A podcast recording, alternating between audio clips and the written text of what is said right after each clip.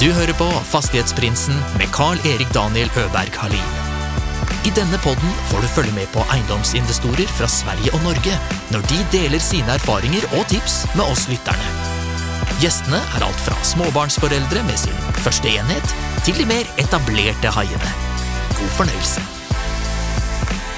Ja, eh, vet du vad som var roligt var att alla var så vansinniga på mig så att du, du, det där går ju inte att hålla på med. Jag skulle aldrig göra som du gör för du, du får ju ingen frihet kvar att hålla på och binda upp sig när man är så ung och, och liksom köra fast på det viset.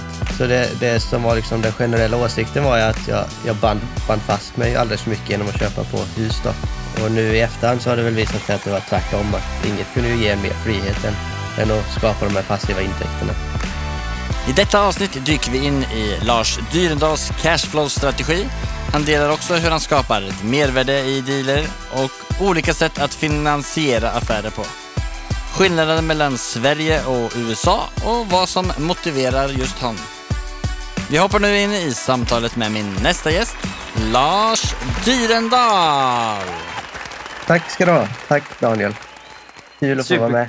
Ja, nej, men superkul att jag fick eh, snacka med dig. Det här har jag sett fram emot jättemycket.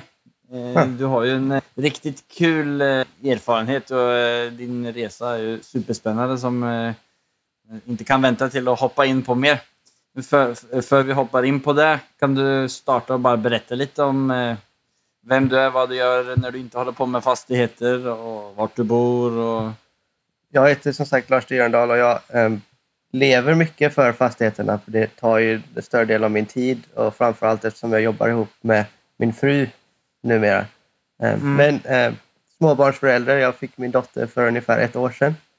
Så eh, spenderar mycket tid med henne och sen är jag ganska besatt av natur och, och, och gillar att vara ute och gå och, och greja. Eh, paddla, eh, stand-up paddleboard eller vad, vad som seglar lite. Eh, Ja, och vara ute så mycket jag kan. Med, ja, mest själv och gå och tänka och, och ta, ta tid i naturen. Det fungerar väldigt bra för mig. Ja. Har du alltid hållit på eller har du alltid tyckt om natur? Jag tror det. Men när man var yngre var man väl, jag vet inte, upptagen med mycket annat. Men, men jag vet efter skolan och sånt så, så märkte jag att jag fick typ, ja, det är väl typ en form av meditation som jag inte visste att man, som funkar. Ja, en, en, en form av meditation som fungerar väldigt bra för mig. Och Ja. jag har märkt att de mesta bra idéerna och de mesta grejerna jag har fått gjort har kommit liksom från att jag har varit ute och gått i lugn och ro och haft nästan för lite att göra om dagarna. Och så har det Mm. liksom understimulansen och, och, och naturen eh, lockat fram bra, bra idéer som har ledit till någonting. Det menar jag att Steve Jobs hade planerat, eller att jag läst att han hade det, sådana där tider där han hade satt av i kalendern att han inte skulle göra någonting. Just för det att inte saker och ting bara skulle komma, hans kreativitet skulle bara flöda då. De, de flesta riktigt bra grejerna som jag har fått gjort, som jag är nöjd med än så länge, eller de som jag tycker har varit de bättre affärerna eller de bättre idéerna, det har kommit ur, ur nästan ren tristess. Där allting liksom bara stannar av och, och man... Ja. Min kompis pratar ibland, han, han är väldigt driven entreprenör, på, på, men han, han säger att man kan ju bestämma sig för hur man vill arbeta och leva. Och alternativ ett är att vara som en ko som går och betar hela dagarna och bara äter och äter och äter för att överleva. Eller kan du agera lite mer tiger och ligga helt låg och, lågt och bara dra dig den mesta delen av tiden. Och sen så när det dyker upp någonting som är värt att och verkligen engagera sig i så kan man gå all in kanske lite mer på just den biten. Men jag Ja. tyckte den liknelsen var ganska, ganska godhällig och jag, jag faller väl mer, hoppas jag, eller jag försöker ja, ta det väldigt lugnt och vila upp mig och känna att jag är redo för att göra någonting när jag tycker det är läge att göra någonting. Det, var, ja, det var en bra sammanliknelse och eh, kul att reflektera över. Ja, ja, båda funkar ju. Alla, det finns ju jättemånga rätt, men man får väl hitta det som funkar bäst för sig själv. Då. Men vart är det du bor? Jag bor ju både i Sverige och USA. Min fru är från USA, så vi spenderar Ja. mycket tid i Florida. Och sen eh, bor vi då på västkusten i Sverige.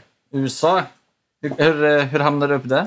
Det började för länge sedan. Samma kompis som tycker man ska vara lejon eller ko, eller får välja om man vill vara lejon eller ko.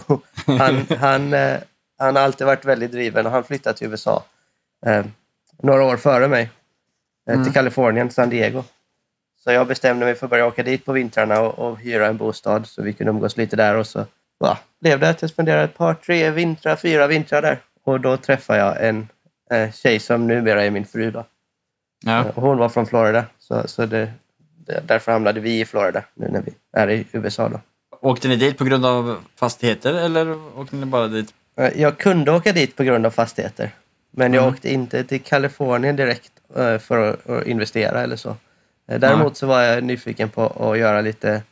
Ja, han, han, min vän, arbetade med internetmarknadsföring så jag ville göra lite någonting åt det hållet vid, vid sidan av. Så, så då började jag göra lite Youtube-filmer och skrev lite dokument om fastighetsinvestering och sånt som jag sen marknadsförde och sålde över internet. Och det finns fortfarande där om det är någon som, som vill läsa om det. Jag har en hemsida kvar. Man kan Ja, men det ska vi länka till i eh, beskrivningen. Det ska vi göra, Ja. det är kul. Nu vet vi lite mer om dig, vad du, vad du gör när du inte håller på med fastigheter. Vad är din inriktning inom fastigheter idag? Just nu är det väl, ja, basen och grunden är väldigt, väldigt djupt cementerad. Jag, jag älskar att köpa bara väl, eh, fastigheter med, med bra kassaflöden som, som ger en bra avkastning. Och, Mm. och målet är väl att bara fortsätta köpa så många som möjligt utan att behöva avyttra någon. och bygga Ja. upp ett, ett stadigt bestånd som, som genererar jättebra. Hur många lägenheter sitter du på idag? 20, ungefär 20.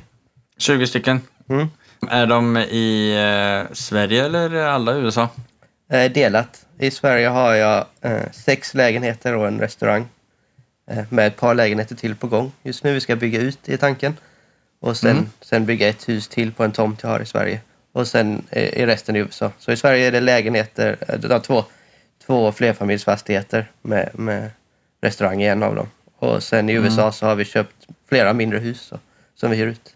Sjukt kul, vi ska komma tillbaka lite med det. Och för vi börjar med det så ska jag bara fråga om du hade, med, du har ju hållit på med fastigheter en, en god stund nu. Och med den kunskapen som du har samlat upp fram till nu, om du hade fått 500 000, du skulle starta med blanka ark.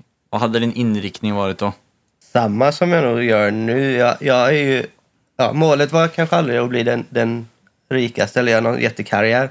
Utan mer att få till en livsstil som, som ger mycket frihet. För jag trivs med att få komma och gå som jag vill och kunna spendera mycket tid med familj och vänner och sånt där. Och, och vara ute och gå Mm. i skogen och, och annat. Men därför hade jag nog gjort något liknande om jag startar om nu. Så jag hade väl jagat fast.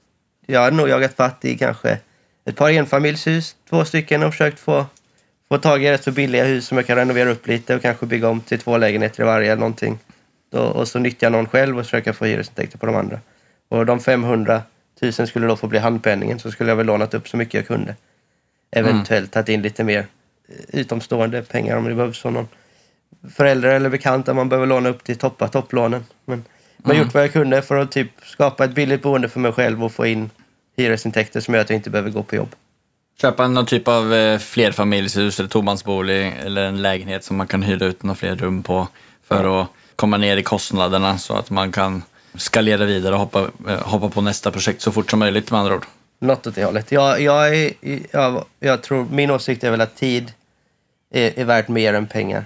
Så, så målet med de här första 500 000 vore ju då att köpa sig fri från ett jobb genom att, att investera i någon passiv intäkt och, och därmed skapa ett billigt boende för sig själv också. Mm. Då hoppar vi tillbaka till när det, allting startade. Hur kom du in på det här med fastigheter? Vad, var ditt första köp? Hur hamnade du upp där? Jag hade väl, jag vet inte, jag växte upp på gård på landet med mina föräldrar drev lantbruk och sånt så jag jobbade mycket med det. Men, men jag tyckte alltid det var väldigt mycket jobb. Drömde väl alltid typ om att göra pengar på något enklare sätt. Så när jag googlade lite då när, när jag började för länge, länge sedan så stod det ju mycket om att fastigheter är väl det, det enklaste sättet att, att skapa sig ekonomisk frihet och en av de branscher som skapar flest, flest rika. Så tänkte jag det kanske är något bra då. Eh, sen så glömde jag av allt det där ett tag och så gick och, och började på annat. Men jag startade ett eget företag där jag körde maskin och sånt. Men, men så dök det upp ett hus eh, till salu en bit bort från mina föräldrar eh, som fogden annonserade. Eh, jag tyckte det var intressant så jag åkte och tittade på det och, och fick med min pappa och sånt och gick och sparkade lite. Och han tyckte allt var skit och jag tyckte ja, men det går väl att fixa till det här lite grann. Så vi åkte på auktionen och så bjöd jag på det och så vann den, den villan då. Vilket Eh. år var det här då? Jag tror det var 2010 kanske. Något sånt. Vad, 10. vad, kostar, vad kostar den eh, villan? Jag köpte väl den för 450 tror jag jag gav för den. Något åt det hållet. då var det inne på Kronofogden och det man behövde göra då var att lägga en handpenning på 10% direkt. Ja. Och då hade jag lyckats övertala min pappa att komma med. Så fick jag låna de pengarna av honom för de hade jag inte själv. Mm. Så, så jag fick låna de här 45 000, alltså 10 procenten av pappa. Och sen Ja. jagade jag banker så gott jag kunde och hittade till slut en som var beredd att gå in med resten. Så jag kunde betala då resterande belopp inom 30 dagar eller vad man hade på sig. Och så, så blev jag ägare till första huset och det flyttade jag in i själv så det var inte alls tänkt som en investerare eller investering utan bara ett... Ja, jag, ville, jag, jag ville vara bland de första i, i, i mitt gäng som köpte hus bara för att det kändes coolt antar jag. ja.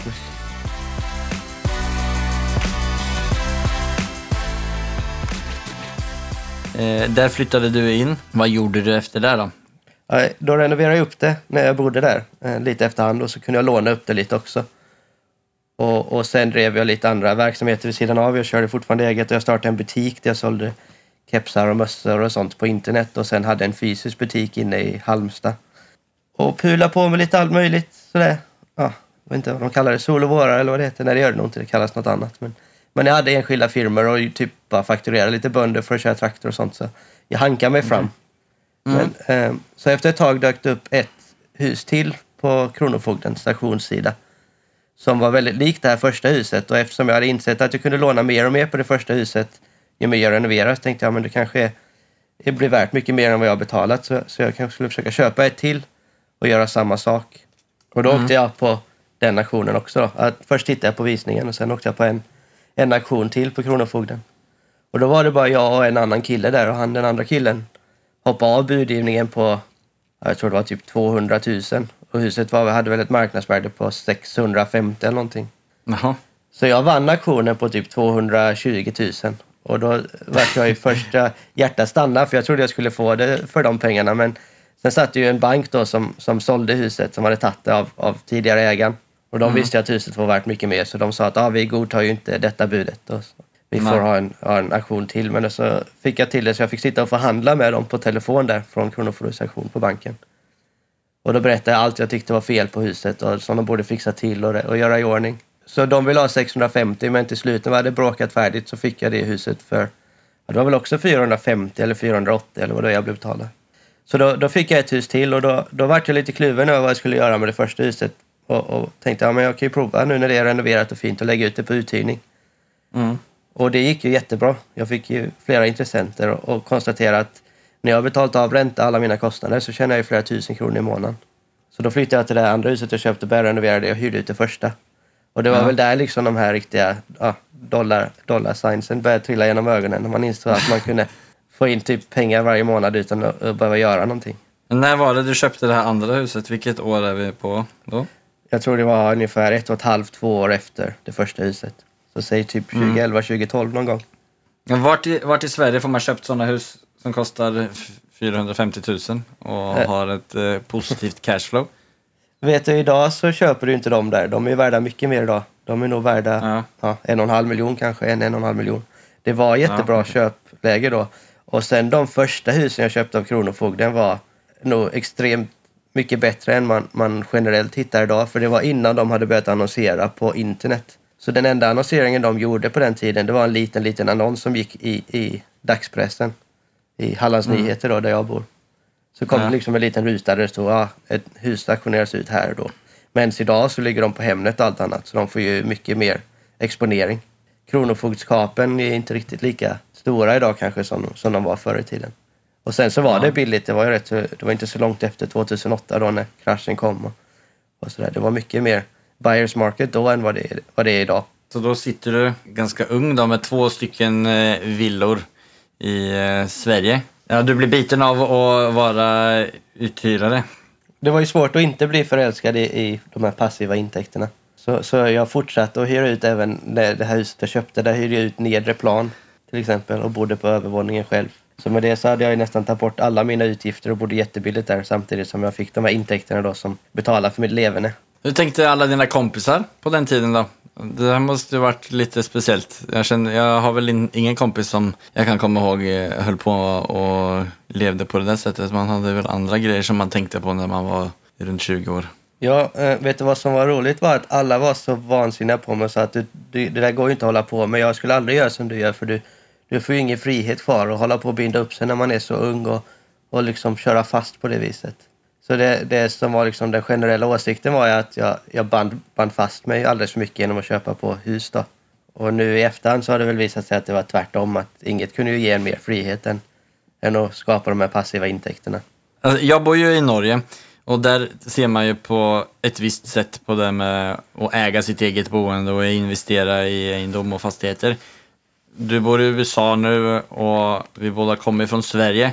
Hur upplever du att den synen som svensk, alltså de generella svenska har, är på det med att låna eller att ha lån på fastigheter och köpa sitt eget boende?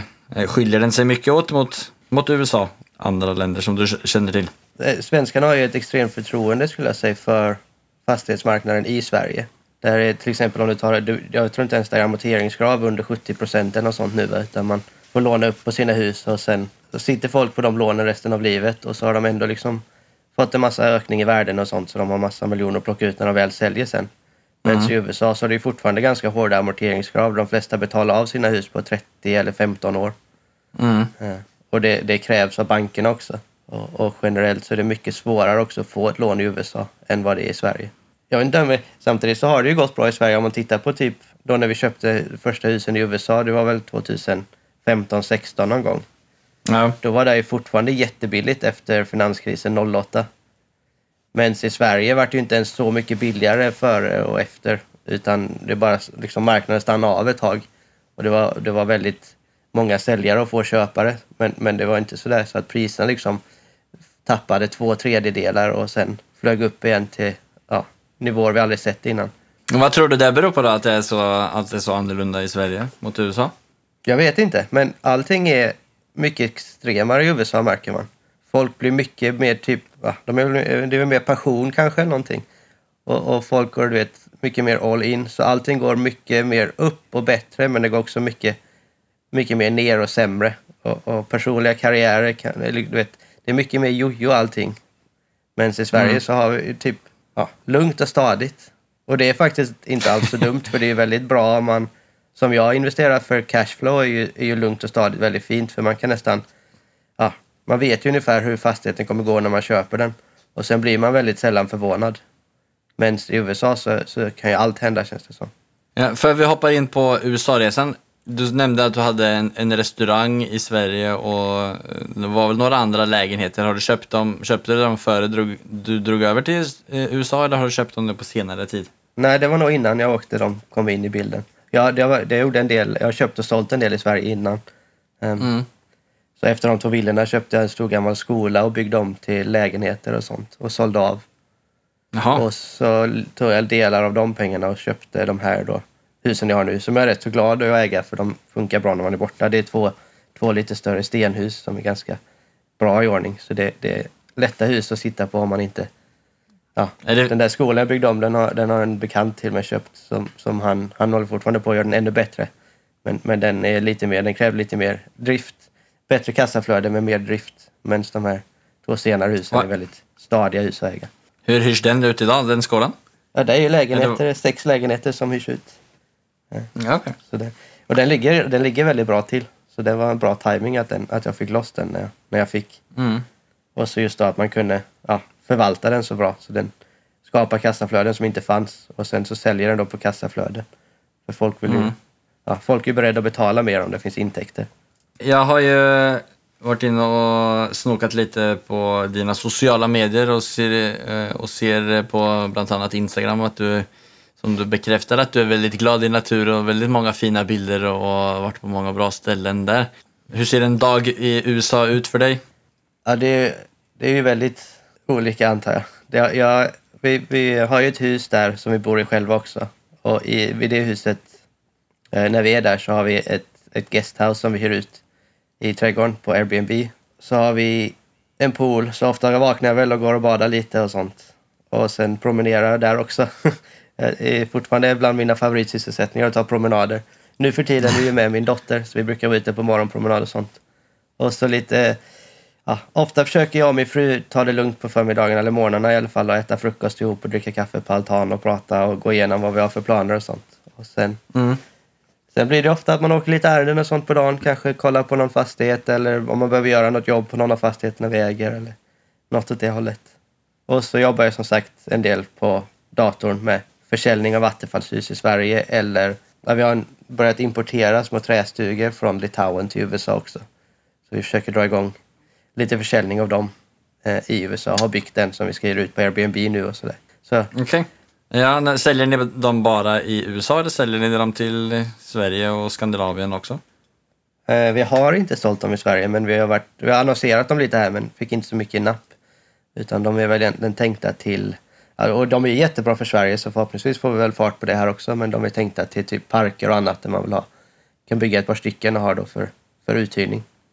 Så det är som små, Mm. nästan som små hotellrum i, i en liten cool träbungalow. Hur mycket kostar en sån då? De har vi väl annonserat ut nu. Det beror ju på hur man köper dem. Vi, vår tanke är eh, så, så han bygger dem på fabrik i Litauen och så packar han ner dem igen i, på platta pallar.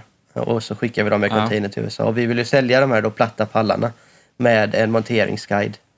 Och då kostar en sån stuga, eh, vi har, tror vi annonserat dem för 14 900 dollar nu. Första, första batchen. Ungefär 15 000 Hade det varit dollar. samma pris som om man hade köpt dem i Sverige eller? Nej, här blir ju billigare för det var mycket billigare frakt. Och vi kan nästan lika gärna skicka dem färdigbyggda här för samma pris. Eftersom man på är det- fabriken bygger ihop dem och sen demonterar och, och packar dem. Så Men är det toalett och dusch och sånt i, i dem också eller? till- Eh, Det får man installera själv. Det går ju att få dem helt nyckelfärdiga också men då, då kostar de mer. Men, men tanken är att man får Ja, hur mycket kostar en sån då? En nyckelfärdig stuga på 20 kvadrat är ju dessa. Kanske 3, 300 000. Det är ju det är ganska överkomligt. Det är rätt så bra. De här är ju Ja. lite enklare. Vi har ju, många av de här attefallshusen vi säljer också vill ju folk ha, ha ordentligt med lyx i. Så de, går ju upp, de är på 30 kvadrat i Sverige. Attefallshus är ju som ett komplementshus man får ställa på sin tomt. Ja, nej, men det får vi länka i beskrivningen eh, och så får du visa mig lite efter vi har spelat in färdigt här så det blir spännande att se.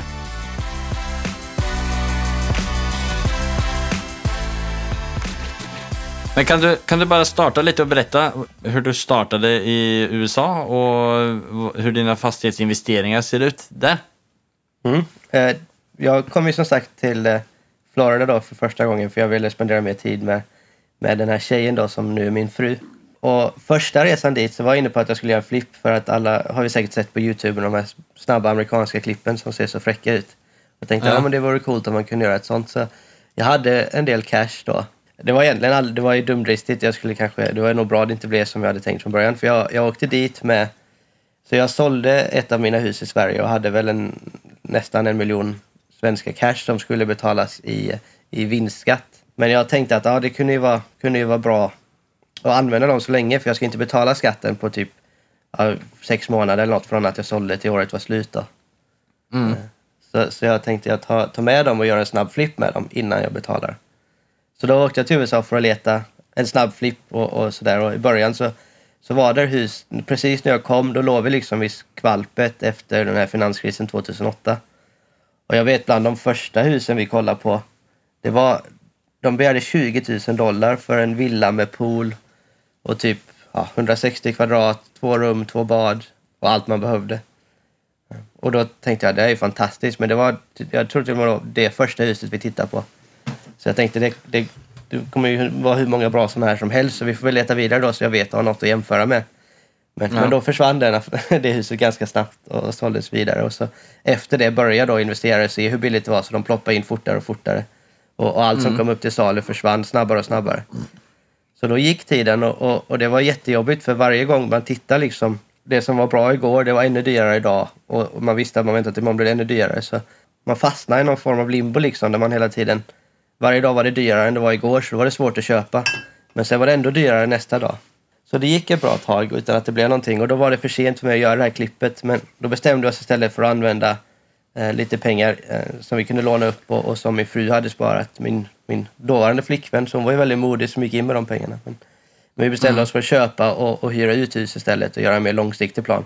Och, och fortsatte leta och så helt plötsligt dök det upp ett par stycken som vi tyckte såg riktigt bra ut. Då var det två hus på en tomt som vi åkte och tittade på och la bud på.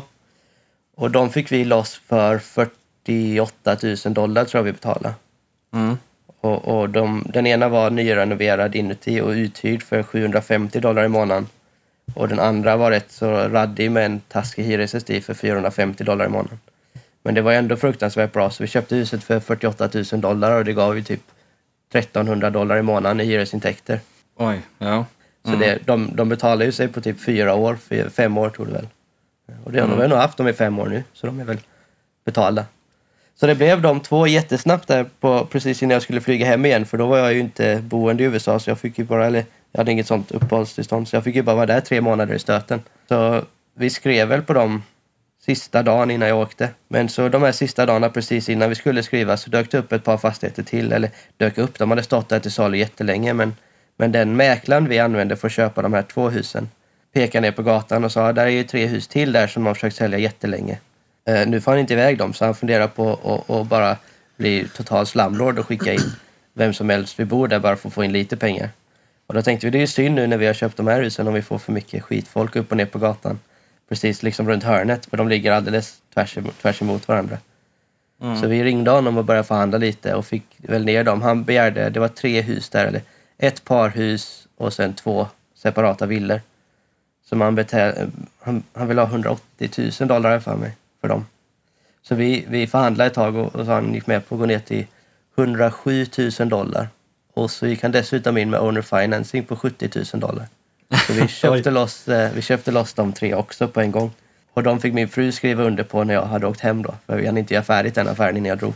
Ja, jag fick flyga tillbaka till Sverige och fira jul, nyår och då hade vi helt plötsligt fem hus i USA som vi skulle fortsätta äga för cashflow. Och jag visste ju inte ens hur, hur mycket jag fick komma och gå. Men, men jag försökte åka tillbaka på vårkanten och de släppte in mig tre månader till då. Man får, väl, Mm. man får väl egentligen vara där sex månader om året men, men tre månader i stöten och de ska vara separerade med en viss tid. Okej. Men, så jag chansade och flög tillbaka då i januari för att kunna hjälpa till och renovera upp de här husen jag köpte och sånt. Hur såg cashflowen ut på dem då? De som du köpte? För det, du fick ner priset från 180 000 till 107 000. Ja, Och, eh, och det var också sånt typ On- 08. on- Det, det var liksom en, en skylt ute på en sån till salu-skylt som var alldeles överväxt med mossa och grejer. Så det var ju vissa sådana tecken på att de hade stått länge utan att, att gå någon vart. men är de lätta att få hyrt ut så, sen när de har liksom växt mossa på sälj, säljskylten? Nej, det var svårt i början.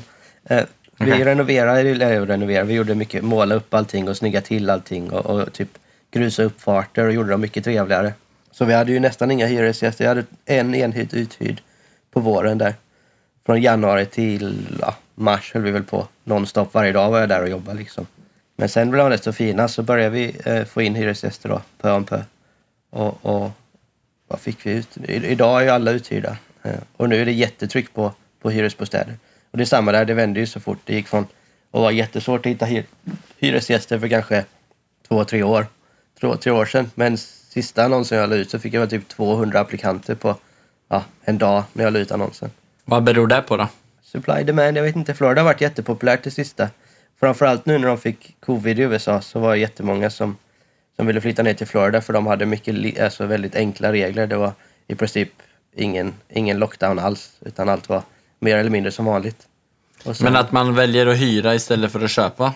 folk där rör sig så mycket har jag märkt. De kommer och går. Det är inte alls samma. Jag vet om man är typ svensk och säkert samma i Norge. Man, man har sån typ anknytning till sin by där man kommer ifrån eller sin hometown. Du vet, man rör sig väldigt lite. I, eh, om en del flyttar till Stockholm kanske eller sådär men annars så är det typ generellt så, så verkar det som folk har väldigt stark anknytning till sin ort. Men i USA så finns inget sånt alls utan de flesta bara liksom verkar ja, flöda runt lite grann. De kommer och går och tar något karriärmove så flyttar de till Tampa och så är det något annat som dyker upp så åker de till Savannah. Du vet inte så, så djupt rotade som vi är här hemma. Har du haft någon eh, förebild som du har piggybackat på eller, hur, eller vart har du liksom hittat din inspiration? Jag har väl flera tror jag. Det finns ju en massa bra böcker man kan läsa och, och jag tyckte, alltså nästan alla som, som pratar i den här podden har ju säkert läst Kiyosaki-böcker. Ja. Och så finns det Napoleon Hill läste jag mycket i början. Jag tycker det är jättebra om, om mindset. Och sen så har jag en bekant här i Sverige som driver ett jättestort fastighetsbolag och, och, och utvecklar jättemycket fastigheter. Mhm. Och han är alltid fantastisk att prata med. Det är alltid sådär Ja. du vet om man ja, får satt saker i, propor- proportion, eh, i relation till varandra så kan det underlätta tycker jag. Så han är kul och sitter han och berättar om hur han typ byggde, ja nu byggde jag 400 lägenheter här borta. Då Oj. tycker jag ju det är pinsamt om jag inte kan köpa och renovera två liksom. Så, så när man får saker och ting i relation till varandra så kan det ge en liten boost i att man vågar pröva mer kanske man, om det vore något helt nytt för en när man inte har sett någon som har gjort det liksom. Ja, men det, det där är jättebra det du säger, att man har någon som är väldigt långt före en. Det motiverar mig jättemycket, speciellt när man, kan, när man får möjlighet till att prata med dem. Ja, när man kan Eh. ta på det liksom och, och förstå att de också bara är vanliga människor på något vis. Men hade han byggt upp ett eget eh, sällskap som nu bygger 300 lägenheter i Stöten? Ja, han eh, startade från grunden upp. Det, det fanns en liten fabrik som han köpte då. Han började jobba på och sen köpte och tog över själv. Men, Det låter ju som en intressant historia. Om han är intresserad av att prata mer så hade, eh, eller bli intervjuad så hade det varit superkul. han är väldigt skygg men jag, jag lovar att jag ska fråga och se om han, han tycker det vore roligt.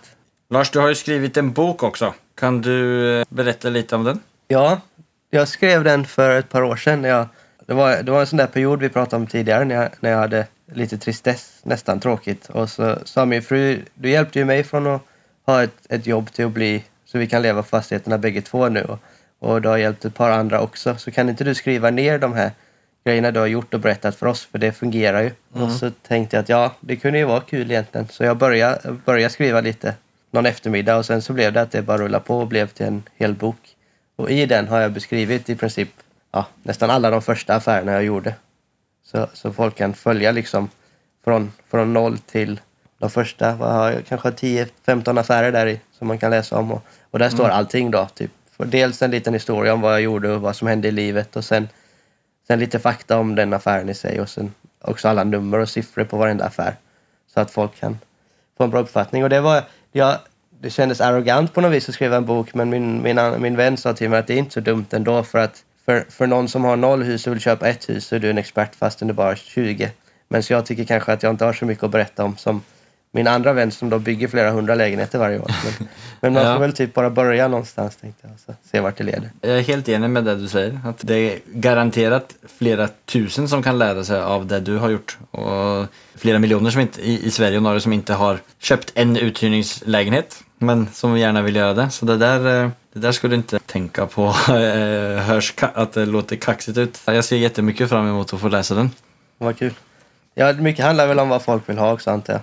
För mig är ju är fastigheterna primärt, dels tycker jag det är jättekul men det har, det har blivit Hallå? mer kul ju mer man har gjort för man lär sig över tid. Och, alltså boken var ju, var ju kul att skriva också på det viset att jag kunde dela min kärlek för, för det som kommer med fastigheterna runt omkring. Dels så är ju fastigheter i sig jättekul och man har jobbat mycket med det för allt tycker jag man, man lägger mycket tid på och lär sig mycket om blir ju roligare ju mer man kan. Men sen också kunna dela den här idén om ett, ett annat sätt att leva än, än allt det vanliga och gå till jobb och, och leva som, som alla andra utan just söka lite mer frihet och sånt. Och, och det är ju min primära drivkraft och det som jag har störst förkärlek till är ju just att få friheten som man kan få från passiva intäkter som du Mm. har väldigt svårt att uppnå på annat sätt. En sak som du var inne på tidigare när du köpte dina första fastigheter i eh, USA. Så sa du att ja, du, kollade på en fastighet och så var du osäker och så gick den, gick den och så vart det nästa fastighet dyrare och så vart det nästa dyrare. Är det samma sak idag? Eller eh, har du, har du lärt dig att manövrera det på något sätt? Alltså det jag menar är att om du ser en fastighet försvinner den och så blir det dyrare och dyrare. Ja, det där är, eh, det är en svår grej det där. För man tänker alltid typ, ja, eh, jag vet inte om det- jag är ensam, men, men alla söker vi väl klippen liksom. Man vill ju att det ska vara, gå riktigt bra att hitta de här som är, är de bästa klippen. Men om man är för girig så känns det lätt som om man förlorar chansen att komma någon vart. För att den som alltid väntar på det billigaste huset och och köpa på den billigaste dagen och sälja det på dyraste dagen får nog liksom vänta väldigt länge innan han lyckas träffa det rätt. Och, och USA var ju ett bra exempel för det där var ju typ fem år sedan eh, som jag gick och tänkte så att nu var ju ett hus som var billigt igår ännu dyrare idag. Det var ju synd, jag skulle ha köpt det igår men det har ju fortsatt så eh, ända fram till idag och det går fortfarande upp jättemycket i Florida. Även om man hade köpt det som var lite dyrare då så hade det blivit bra idag.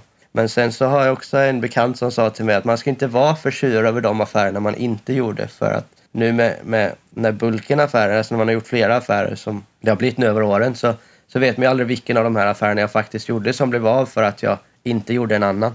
Så man får väl inte hänga upp sig för mycket på vad som blir och inte blir. Jag brukar istället försöka titta på de affärerna som inte blev av men som någon annan gjorde riktigt bra affär av och säga att det var ju kul, man såg möjligheten i alla fall. Det betyder att man, Ja. man har, hade ögonen öppna och det är ju bra början.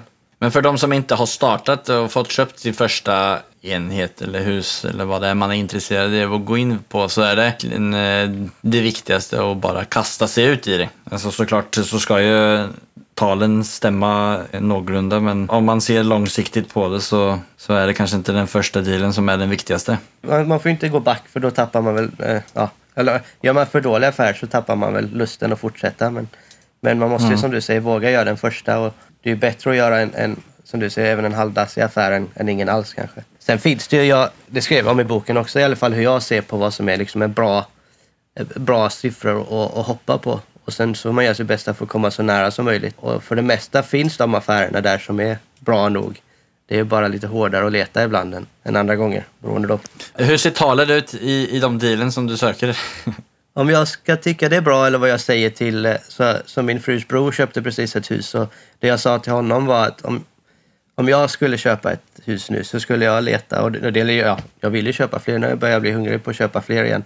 Det blev lite lugnare när man blev pappa och så men generellt så tycker jag att det är bra att köpa hus som har lite sämre läge men kanske en bättre avkastning än hus med jättebra läge och sämre avkastning. Om man ser på typ hus mitt inne i centrum på, i Stockholm eller Oslo så, så betalar ju förmodligen inte ens hyresintäkterna räntan på, på de boendena och då tappar du hela poängen med en, en cashflow deal. Så jag tycker om att flytta mig längre och längre ut eh, tills man får kanske, säg i grova drag att man får tillbaks 10 av, av eh, köpeskillingen eh, i hyresintäkter per år. Då tycker jag det börjar bli intressant. Köpeskillingen, är det alltså summan Alltså vad du betalar för huset. Så säg att du ger en miljon så tycker jag man ska kunna försöka få in 100 000 om året i hyror. Mm. Och det är ganska, ganska svårt i Sverige och Norge nu så man får vara väldigt enträgen och, och leta. Och, och i och för sig så, så spelar det... det här, är- nu, nu blir det väldigt långt svar om vi ska vara noggranna för här i Sverige och i Norge så har vi ju eh, räntor som är väldigt bra nu. Och med lägre räntor som du kan binda in på, på väldigt lång tid så kan du egentligen betala med, eller köpa hus då med, med ännu sämre avkastning. Men i USA så är det som sagt mycket dyrare lån och mycket dyrare att äga fastigheter. Så då har du... Den här regeln är ju, är ju liksom svår att anpassa på alla marknader kanske. Men men de husen som har så bra avkastning, de har väl sällan en markant värdeökning? Eller hur ser de husen ut i de mindre orterna i Sverige för exempel? Hur mycket ökar ett sånt hus i värde per år? generellt sett så är det inte lika bra som man har varit inne i städerna. Men Nej. i min mening så, som jag investerar, eller du, du frågar, frågar vad jag hade köpt eller om, om jag skulle välja och då är det ju primärt ett hus som ger en bra avkastning. Men man vill ju inte gå så långt ut i landsort, landsbygden eller långt bort från, från allt som är värt att bo nära att man får svårt att hitta hyresgäster. För då kan du ju skjuta dig själv i foten också om du gör det liksom för tufft att komma åt eh, hyresgäster. Det är typ en kompromiss. Säg att A-läget är inne i stan och C-läget är långt ut på vischan i Norrland där det inte finns någon skola eller något jobb på 60 mil. Så, så är väl typ ett B-läge någonting att leta efter tycker jag. Där man kanske kan komma ut på någon by utanför Borås eller så kan ju vara bra liksom. Ja, men det är grymt. Vad heter din bok förresten? Eh, Investing for freedom. Finns den bara på engelska eller finns den på andra språk? Än så länge bara på engelska.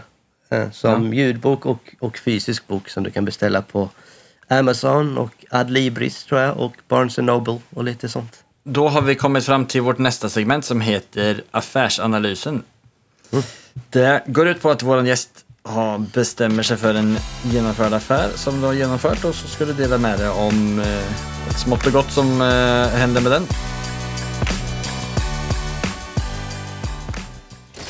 It has not been easy for me. And, you know, I, I started off in Brooklyn. My father gave me a small loan of a million dollars. Affärsanalysen. Har du tänkt ut någon till att dela med dig om?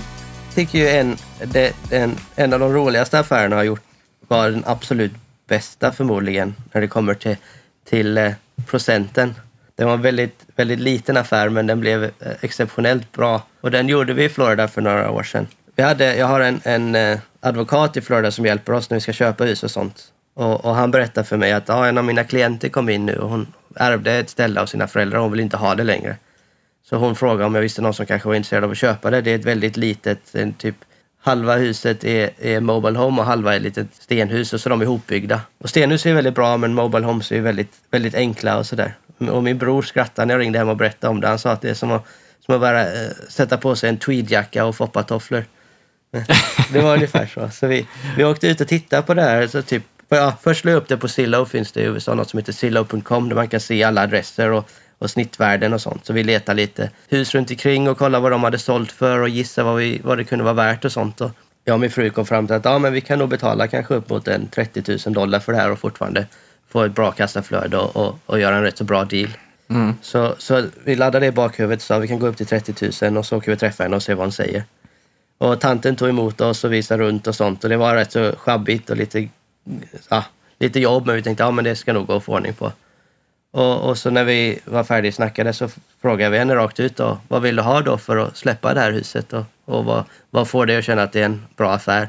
Och då sa hon att ja, min, min granne han bjöd 12 000 dollar men jag tyckte det var för litet.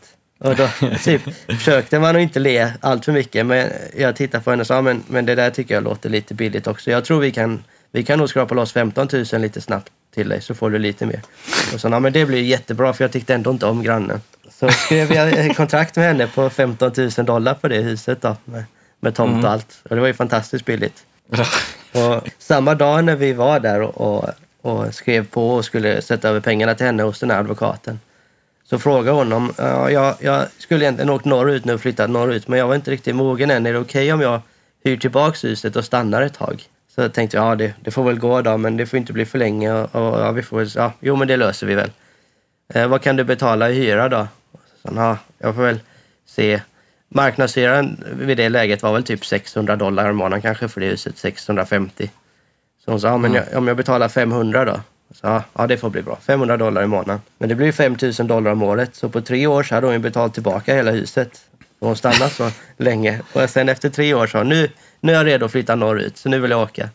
Så då lämnade hon efter tre år när hon hade betalat tillbaka hela huset till oss. Så vi hade i princip noll kronor investerat i det huset då. Och då gick jag dit med min drönare och tog lite bilder och grejer och så la jag upp det på typ, ja, Craigslist heter det, motsvarar typ Blocket i, i USA. Ja. Och tänkte jag säljer det, se om jag kan sälja det själv bara för att jag har inte riktigt lust att gå och renovera där nu för det var så raddigt den här trailerbiten och sånt. Så det är kanske lika bra vi skickar iväg det. Ja, upp med lite bilder och grejer. Och så kom det någon kille som sa, ja men jag vill köpa det, jag kör från Texas och titta på det. Och det gjorde han, han kom en kille körandes med bil från Texas och tittade på huset och sa han ville ha det. Så, så vi möttes hos advokaten för att skriva. Så sa han, ja men nu fick jag inte loss de pengarna jag behöver men om jag lämnar 1500 dollar här så kan ni väl bara eh, hålla det till jag får tag på mina pengar. Och det gjorde vi ett tag men sen försvann han och kom aldrig tillbaks. Så då fick vi 1500 dollar till. Och sen kom, sen kom en ny köpare in och, och var nyfiken på huset och sådär. Så tittade runt länge och sa, ja men det här tycker vi om men kan inte ni hjälpa oss finansiera det lite? Så ja, vi kan väl ge delar av det. Och så kom vi överens om att de skulle betala 45 000 dollar totalt.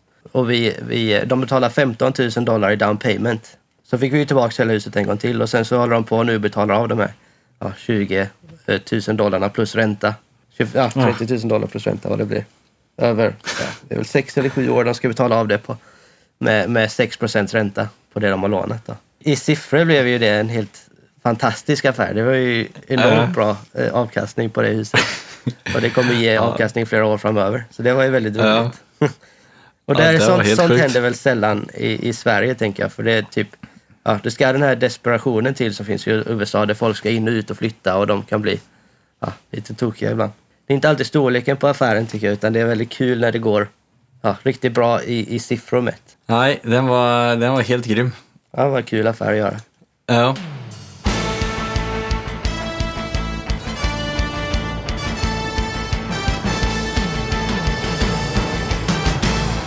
Cuatro preguntas. Eh, Då hoppar vi vidare till nästa segment som heter Fyra frågor.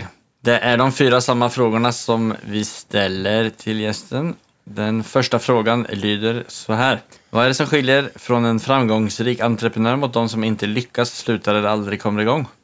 Ihärdighet antar jag är väl ett bra ord att lägga in där. Att man Ja. vågar börja och sen så att man orkar fullfölja och inte ge sig Mm. så lätt. Har du varit i situationer där du har funderat på att lägga ner din fastighetskarriär? Jag tror aldrig jag tänkt på att lägga ner den men kanske komplettera den med, med lite andra. Och det har jag väl på sätt och vis gjort genom att starta de här förs- eh, försäljningsbolagen av de mindre husen. Ja. Och tanken med det var lite att jag så som jag byggde upp min, min investeringskarriär så gjorde jag väldigt mycket jobb själv eh, med renoveringar och annat. Och i början tyckte jag det var rätt så kul. Men sen så har jag tröttnat lite på det efterhand. För, för min del var det som sagt avkastningen var ju viktig. Så la jag för mycket pengar på att hyra in personal till att renovera husen och göra allt jobb åt mig. Så åt ju det upp mycket av den eh, avkastning som skulle komma senare. Eh, Eftersom Mm. investeringen blev så mycket större. Så jag försökte göra väldigt mycket själv och så vart jag lite trött på det. Och nu så tycker jag det är ganska kul med, med husen vi importerar och säljer och vi ska väl försöka göra lite egna fastighetsutvecklingar med dem och sånt. Så då, då tänkte jag det kan väl vara roligare att jobba med det och så använder jag en del av, av de pengarna jag tjänar där till att betala folk till att hjälpa mig nu med renoveringar och sånt jag inte vill göra själv. Så, hade jag inte typ kunnat anpassa ja, läget efter vad jag själv föredrar så kanske jag kan se att man kör fast lite grann och tröttnar. Så om det är någon som äger mark någonstans i Sverige eller Norge eh, så får de gärna höra av sig till Lars om ni kan utveckla någonting tillsammans. Absolut. Och, och som sagt, är det någon som sitter på väldigt mycket mark så har jag kontakter som kan bygga mycket större projekt och driva mycket större projekt också. Så säg gärna till om ni vill göra någon form av, Superkul. av fastighetsutveckling. Grymt! Fråga nummer två. Om du hade obegränsat med pengar, alla hus, fastigheter i hela världen var up for grabs, vilken hade du skaffat då? Jag har hört dig ställa den här frågan till andra och jag har, aldrig riktigt kommit på ett rätt svar. Men alltså man kanske skulle gått och köpt någonting som den här, inga, um, vad heter han som driver Virgin? Richard Branson har ju en ganska fin ö. Det var behagligt kanske att köpa något sånt för sig själv och bara gå och gotta sig i lugn och ro på någon, någon söderhavsö eller någonting. Med, med karibiska Ja, det låter inte dumt. Men det kanske är en, en bra plan. Ja, det tycker jag låter som en bra plan. Kan du gå omkring och läsa din bok och gå runt i en egen skog och allt möjligt. Ja, det är bra. Du som har skrivit en bok har väl säkert läst en hel del. Har du något bra boktips för de som är fastighetsintresserade? Jag tror den boken jag tyckte bäst om, för den föll i linje med hur jag vill ha det också mycket antar jag. Den, det, var, det var en Kiyosaki-bok men inte, inte Rich Dad Poor Dad utan den hette Retire Young Retire Rich. Där Okej. har han ganska så mycket eh, matnyttig information tycker jag. Känns som 90% av alla boktips vi får in här på Fastighetspodden är, är om, om eh, Kiyosaki. Och han är ju väldigt duktig och stor. han. Ja, ja men eh, det ligger väl någonting i det. Att det många tips som kommer runt omkring det. Men den, den där har jag inte läst än så det ska jag skriva upp till min lista. Superbra. Så, till den bästa frågan av dem alla. Nämn det mest storartade, roliga eller minnesvärda sättet som du har firat en genomförd affär på. Ja, jag firar ju alltid. Inte så storartat kanske, men jag ser alltid till att typ... Ja, i och för sig, jag hade en, det står nog om i boken också. Jag, jag var inne och köpte... Det var efter jag hade köpt ett hus så var tömt i princip mitt konto. Så jag hade väl ja, några hundralappar kvar och jag använde alla de hundralapparna jag hade kvar på kontot till att köpa, till att köpa eh, en trikå och champagne och så det var, väl, det var väl ett sätt att säga till, för jag var egentligen livrädd över att jag hade spenderat varenda öre jag hade och, och, och lite till. Och Ja. var helt luspank och, och gett mig in i nya affärer som jag inte visste om jag skulle reda upp eller inte.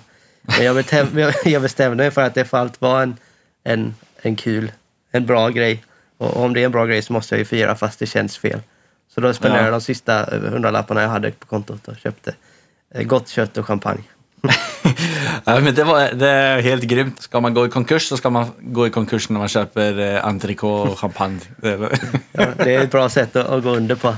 Ja, Nej, det, det var läskigt men det, det blev väldigt bra i slutändan så det var ju kul att det gick som det gjorde. Sen är det alltid, jag tycker alltid man ska fira när man har gjort lite framgångar så jag ser- försöker alltid se till att göra något roligt. Om vi går ut och äter en god middag ihop med frun eller om vi ja, köper lite extra god mat med hem och, och gärna lite champagne och sånt. Det är kul. Ja, ja, men det är bra. Champagne är gott. Jag gillar det. Har du några sista tips till alla nya investerare? Ja, läs min bok och så skriv till mig sen om ni vill eh, ha några frågor eller vill, vill eh, diskutera någonting. Men jag tror det, det är mycket, mycket i psykologi, så, så fastna inte bara för eh, kunskap kan vi alltid läsa oss till mer eller mer, mindre. Så, så behöver vi mer kunskap så får vi bara studera mer till vi känner att vi har koll på det vi gör. Eh, drivet, det kommer väl, det är en psykologisk aspekt så den, den får man väl jobba på genom att dels läsa böcker men också aktivt försöka agera efter vad böckerna föreslår. Om det ändå är dreamboards eller att försöka visualisera och, och, och meditera och, och ta tid. Och så. Verkligen jobba på att hitta ett driv så man, man har energin att driva igenom det man, man vill. Och sen kunskapen som sagt, om det är läskigt för att du känner att du inte har tillräckligt med kunskap så, så läs mer bara till du känner att du vet vad du håller på med. Mm. Men så du är öppen för att folk kan kontakta dig? Hur kommer folk i kontakt med dig på bäst sätt? Kan vi inte ta det via hemsidan? Eller Instagram funkar ju säkert också. Vi kan väl lägga Ja. dem i länkar där nere. Går inte det att göra? Så folk Jo, kan det- det klicka går sig fram. Vad heter Ja. hemsidan då? Eh, larsdyrendal.com Superbra.